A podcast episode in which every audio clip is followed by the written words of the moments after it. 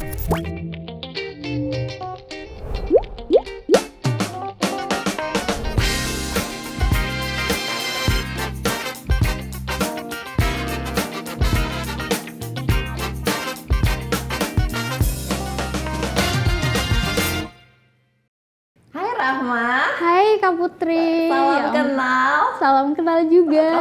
Deg-degan ya? Iya. Aku juga deg-degan loh interview kamu. Oh my god. Aku yang dirikan. Kamu umur berapa sih Rahma? Aku umur 22 tahun Kamu ini. 22 tahun tahun Iya. ini. Kamu bintangnya apa? Aku Leo. Ah, kamu- Oh deket dong, aku Virgo. Oh iya, Kamu September. Agustus, aku September. Kamu Agustus apa? Aku Agustus 18. 18, aku September 22. Jadi aku tuh udah agak-agak mau Libra. Mepet, iya. Iya, mepet. Apa kabar? Alhamdulillah baik. Kak Putri sendiri gimana kabarnya? Alhamdulillah baik. Gimana 2022 buat kamu Rahma? 2022 so far banyak surprise dan banyak challenge sih. Apa tuh surprise-nya? Apa salah satu surprise yang paling kayak shocking buat kamu tahun 2022? Surprise-nya aku tuh jadi sebenarnya aku anaknya kan kayak pendiam banget kan. Terus nggak biasa ngomong depan kamera.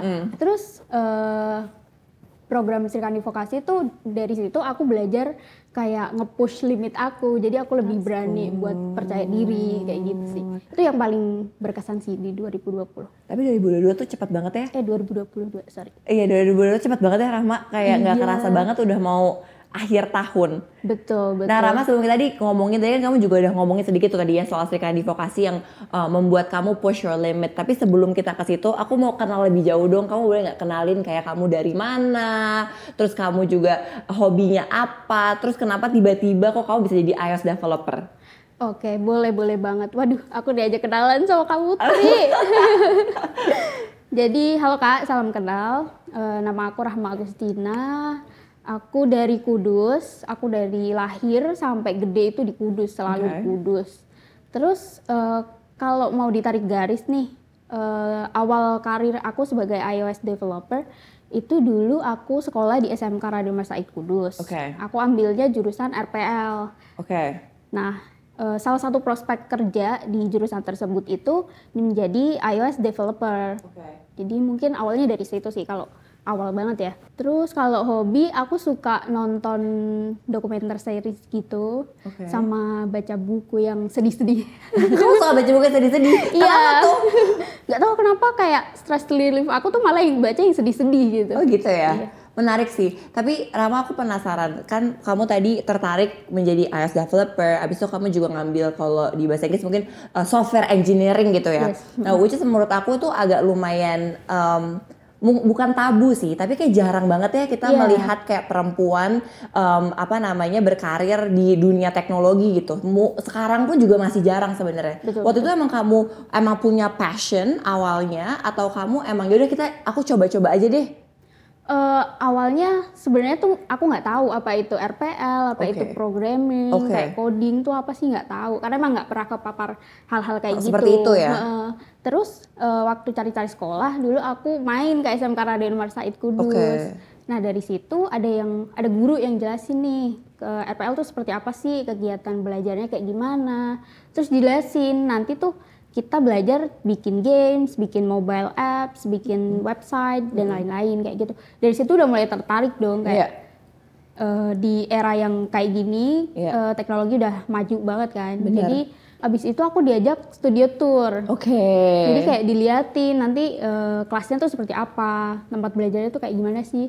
Dan dari situ eh, aku kagum sih kayak keren banget di Kudus, di daerah Kudus gitu ada sekolah yang kayak gini, Iya. yang fasilitasnya tuh udah canggih banget gitu. Terus dari situ akhirnya aku eh, daftar kan, terus akhirnya sekolah di situ deh. Tapi waktu kamu pertama kali eh, apa namanya akhirnya mau masuk jurusan itu, ada nggak sih kayak omongan orang atau kayak teman-teman sekeliling kamu kayak ngapain sih kamu masuk jurusan kayak gitu atau apa kayak lingkungan kamu sudah mensupport waktu itu decision itu? Eh, kalau lingkungan aku justru enggak sih, karena Oke. emang eh, teknologi itu masih kayak IT gitu ya, Iya. masih kayak bener sih kayak tabu, bukan tabu sih, masih, Masih jarang lah, ya, apalagi iya. perempuan kan. Heeh, heeh. Kayak sama ini kan identik sama kalau komputer tuh cowok banget, Bener. kayak gitu kan.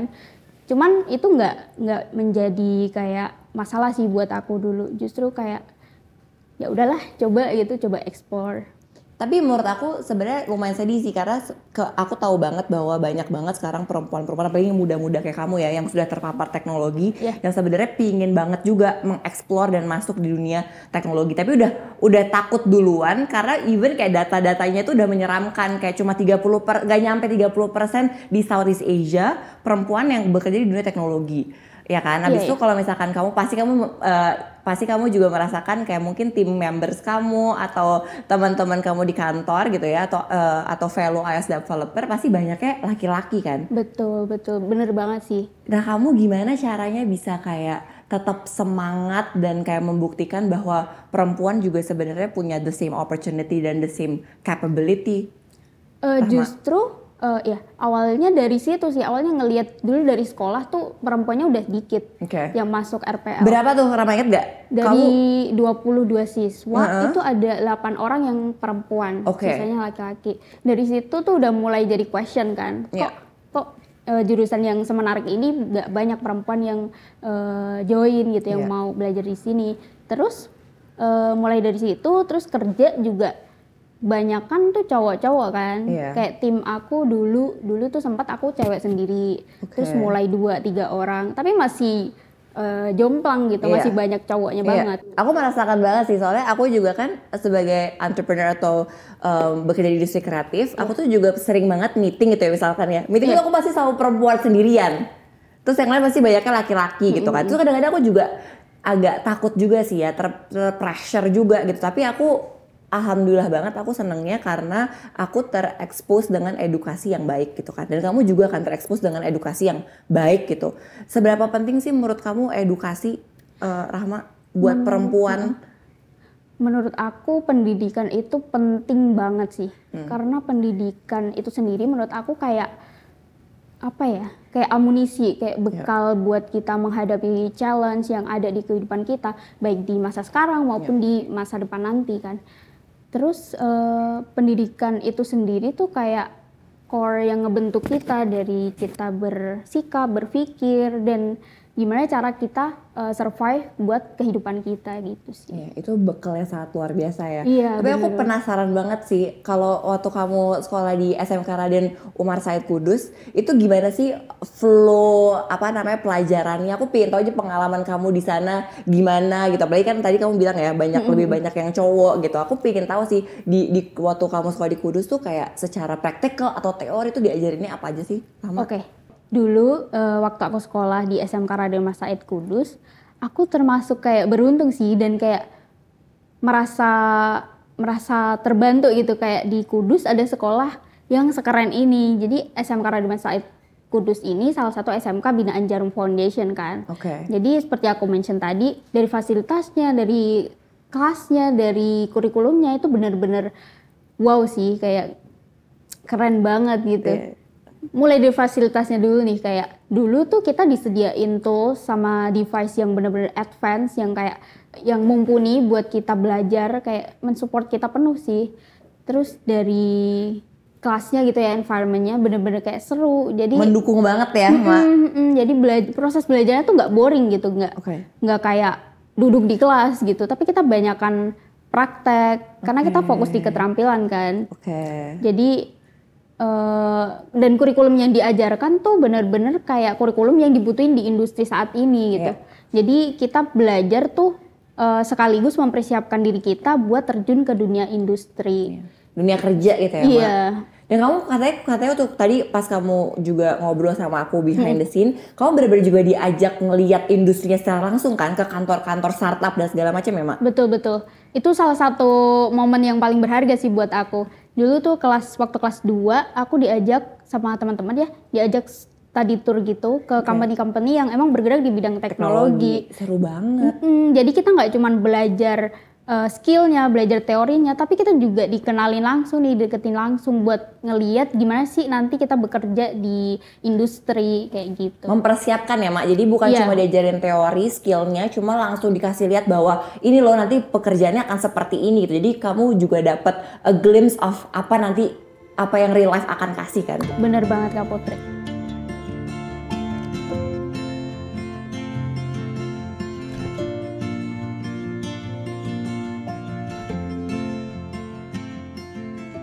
Nah berarti waktu itu Rama aku tertarik. Jadi waktu kamu udah selesai, udah lulus, apa yang membuat kamu pingin kerja di Jakarta? Prosesnya tuh gimana tuh Mak? Jadi dulu tuh ya waktu kita udah waktu kita udah study tour itu kan, Iya. jadi aku mikir kayak oh potensinya tuh luar biasa gitu. Terus eh, waktu lulus SMK, aku tuh mau kerja sesuai sama potensi yang udah aku kembangin selama tiga tahun gitu. Oke. Tapi aku nggak bisa nemuin, eh aku nggak bisa ngembangin potensi itu di Kudus gitu, karena emang company yang di bidang teknologi itu hampir nggak ada, ada ya kan, di Kudus. kayaknya emang nggak ada sih. Jadi kalau aku di sini doang, di Kudus doang, kayaknya nggak bisa gitu. Iya. Aku harus berkembang gitu kan. Terus kalau di Kudus doang, nanti akhirnya aku nggak tahu mau ngapain, mau kerja Iya. di mana dan malah bisa jadi ujung-ujungnya aku disuruh nikah muda gitu. Iya. Terus aku nggak mau banget kan. Iya. Gitu sih, itu sih yang bikin aku mau. Tapi Jakarta. tadi aku tertarik banget. Tadi kamu ngomong soal kayak apa namanya di diminta untuk nikah muda dan segala macam. Itu masih kental banget gak sih stereotype kayak gitu eh, Rahma di Kudus? Iya, lumayan sih kak. Itu masih banyak terdengar gitu kayak. Tapi sedihnya itu ke perempuan doang. Iya, kalau laki-laki kan kamu kerja ke sana, Bener. kayak ke Jakarta. Kalau bisa disuruh pergi malah. Bener. Cuman kalau perempuan kamu di sini aja, udah temenin orang tua, nanti Iya, nikah aja kan betul. gitu kan. Itu sih yang bikin sedih sebenarnya. Nah terus kamu gimana Ma, waktu itu kayak keluar dari dari situ waktu kamu mau ke merantau ke Jakarta mau kerja mau mau apa namanya berkarir terus kayak keluarga kamu atau lingkungan kamu gimana mak? Awalnya sih sempet sama ibu sih, Iya. karena emang nggak pernah jauh kan dari Iya. ibu dari lahir. Terus tiba-tiba mau ke Jakarta nih ujuk-ujuk anak ini nggak pernah keluar rumah jarang iya, kan. Iya bener. Terus gimana nanti kalau di Jakarta? Kalau ada apa-apa kan suka begitu kan? Iya. Maksudnya masih eh, stigmanya tuh masih negatif gitu Iya. kalau ke luar kota sendiri gitu. Apalagi cewek Iya. gitu. Tapi ya ibu udah mengikhlaskan ya, ibu seneng Iya. lah ya kamu udah udah bisa kerja dan segala macamnya. Betul. Mak, tapi gimana merantau beradaptasinya di Jakarta dari Kudus?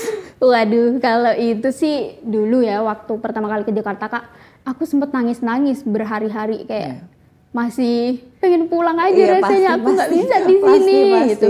Kayak gitu sih dulu masih sempet kepikiran macem-macem kayak nggak fokus kalau mau nggak fokus sama tujuan awal aku gitu. Iya. Terus akhirnya nemuin teman baru, terus kayak punya pengalaman-pengalaman baru. Jadi itu akhirnya yang bikin balikin fokus aku sih. Iya. Gitu. Tantangan terbesarnya apa merantau? Tantangan terbesarnya sebenarnya satu jauh dari orang tua sih. Iya. Itu satu. Itu pasti. Terus? Terus? yang lain mungkin kayak ketemu orang-orang di sini kan dari berbagai background gitu kan. Iya. Jadi berbagai apa ya? Berbagai cerita dan berbagai perspektif, Mm, bener. Jadi aku harus apa ya? menyesuaikan diri juga ya, Iya, Mak. bener bener bener kayak Tapi gitu kamu sih. menjadi pasti, tapi kamu jadi perspektifnya jadi semakin terbuka nggak sih, Mak? Karena kamu bertemu sama banyak banget orang kan. Betul, betul. Kayak ngebuka aku sekaligus bikin aku kepikiran sama hal-hal yang sebelumnya nggak aku kepikiran gitu. Iya. Kayak lebih aware sama sekitar, lebih kayak Benar. mikirin orang lain, gimana cara bermanfaat buat orang Betul, lain kayak betul, gitu. betul. Nah, hal kayak gitu aku susah dapetinnya di Kudus. Iya. Jadi kita kayak realize that we're actually bigger than ourselves kan. Betul, Bahwa Kak. kita bisa melakukan, uh, kita sebenarnya bisa berkontribusi sekecil apa pun untuk orang lain. Betul, setuju, setuju. Nah, Mak, sebagai aku uh, kepo sebagai iOS developer ya, pengalaman apa sih yang paling berkesan dan jadi kayak lesson learn kamu? Pengalaman yang paling berkesan. Hmm. Pengalaman yang paling berkesan buat aku nih yang memorable banget. Iya. Dulu waktu kita tuh build uh, apps, salah satu apps buat klien, itu udah setahun kita build. Dan Oke. akhirnya itu waktu rilis, waktu launch day gitu, akhirnya rasanya kayak plong dan bangga sama diri sendiri sekaligus sama tim aku gitu. Iya. Eh, ngelihat aplikasi kita diinstal banyak orang, ada di App Store, ada di Play Store, terus benar-benar dipakai orang dan tahu itu bermanfaat buat usernya, kayak memudahkan ke eh, memudahkan user buat melakukan eh, tasknya di hidupnya gitu. Itu kayak bikin aku wow gitu sih. Ternyata bisa gitu ya, Iya. ternyata bisa bermanfaat untuk orang lain Bener, juga. bener. Rama, tapi aku penasaran, kan kamu masih muda ya, gitu, kamu masih 22 tahun. Eh, Teman-teman kamu, tim kamu tuh kira-kira umurnya berapa tuh, Mak? Tim peker- Aku masih muda-muda juga ya sekarang ya? lumayan ada yang muda, ada juga yang udah Senior juga? Iya, banyak kan sih. Dan itu sih salah satu yang lesson learn aku kayak dulu tuh waktu uh, kita develop satu tahun itu kayak tim aku tuh rata-rata kan kayak S1 kan. Jadi aku agak rasanya agak minder dan Iya. kayak nggak percaya diri gitu sih. Cuman setelah aku lihat lagi karena aku udah membuktikan kayak aku tuh punya skill dan aku punya uh, kompetensi di Kamu sini. jadi confident ya. Iya, gitu sih. Jadi lebih percaya diri lagi. Nah, tapi kan Pak untuk sampai akhirnya di titik kayak percaya diri gitu ya. Apalagi kayak kayak dari Kudus terus ke Jakarta, terus kan pasti kamu membawa beban ya kayak pressure harus sukses, harus ini, Iya. harus itu gitu. Pasti kena loh ya, pasti ada ada ada apa ya? mental health-nya juga pasti kena gitu. Aku juga karena aku mulainya tuh kecil kan. Aku tuh start um, usaha tuh di umur 15 tahun. Dan itu aku melalui proses yang ups and down yang sangat luar biasa gitu. Dan pasti kamu juga gitu. Uh, apa apa yang kamu dapat Mak, dari semua perjalanan ini, dari semua pressure gitu ya. Uh, apa yang kamu kayak apa yang bisa kamu petik dari kayak proses sampai akhirnya kamu bisa sampai sekarang? Yang bisa aku petik dari semua proses ini tuh aku kepengen diri aku tuh lebih kayak menghargai value aku sendiri kayak ayo dong tolong percaya sama diri kamu kalau kamu tuh bisa gitu. Iya.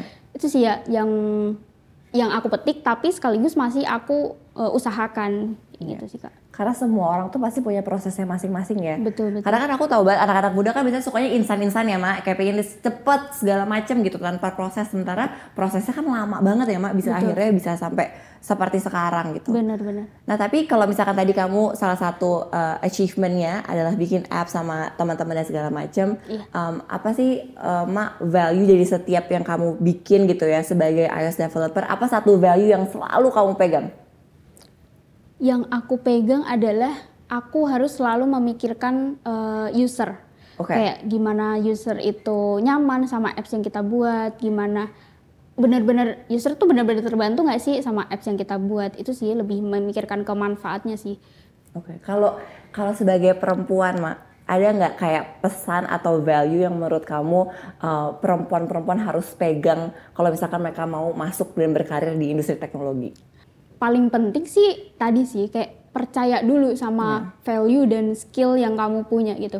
Jadi kalau udah percaya diri nih kamu tuh bisa uh, memberikan sesuatu yang terbaik yang apa ya, mendeliver sesuatu yang emang bermanfaat bagi orang lain gitu dan eh apa ya? Kayak tahu usaha dan kerja keras yang kita lakukan tuh impactnya luar biasa ke orang lain gitu. Setuju. Kalau dari ibu mah ada nggak satu value yang kayak kamu selalu pegang? Kalau dari ibu sih udah pasti kayak harus selalu rendah hati dan selalu eh, mikirin orang lain sih. Iya. Kayak Jadi gitu. kunci itu ya mak. Iya. Jadi kayak semuanya tuh harus punya niat baik. Betul, betul. Karyanya harus bisa bermanfaat untuk banyak orang. Benar-benar. Gitu ya dan selalu rendah hati gitu ya. Karena pasti banyak yang lebih pintar, lebih hebat. Jadi kita Betul. harus terus mau belajar. Iya, kayak kalau kita selalu rendah hati tuh, tapi rendah hati tapi kita eh, nggak merendahkan diri kita gitu. Maksudnya kayak kita rendah hati mau belajar, mau mau bertanya sama orang lain, mau meminta bantuan ke orang lain, tapi kita juga percaya kalau kita juga nggak lemah dan kita juga punya sesuatu yang bisa dibanggakan gitu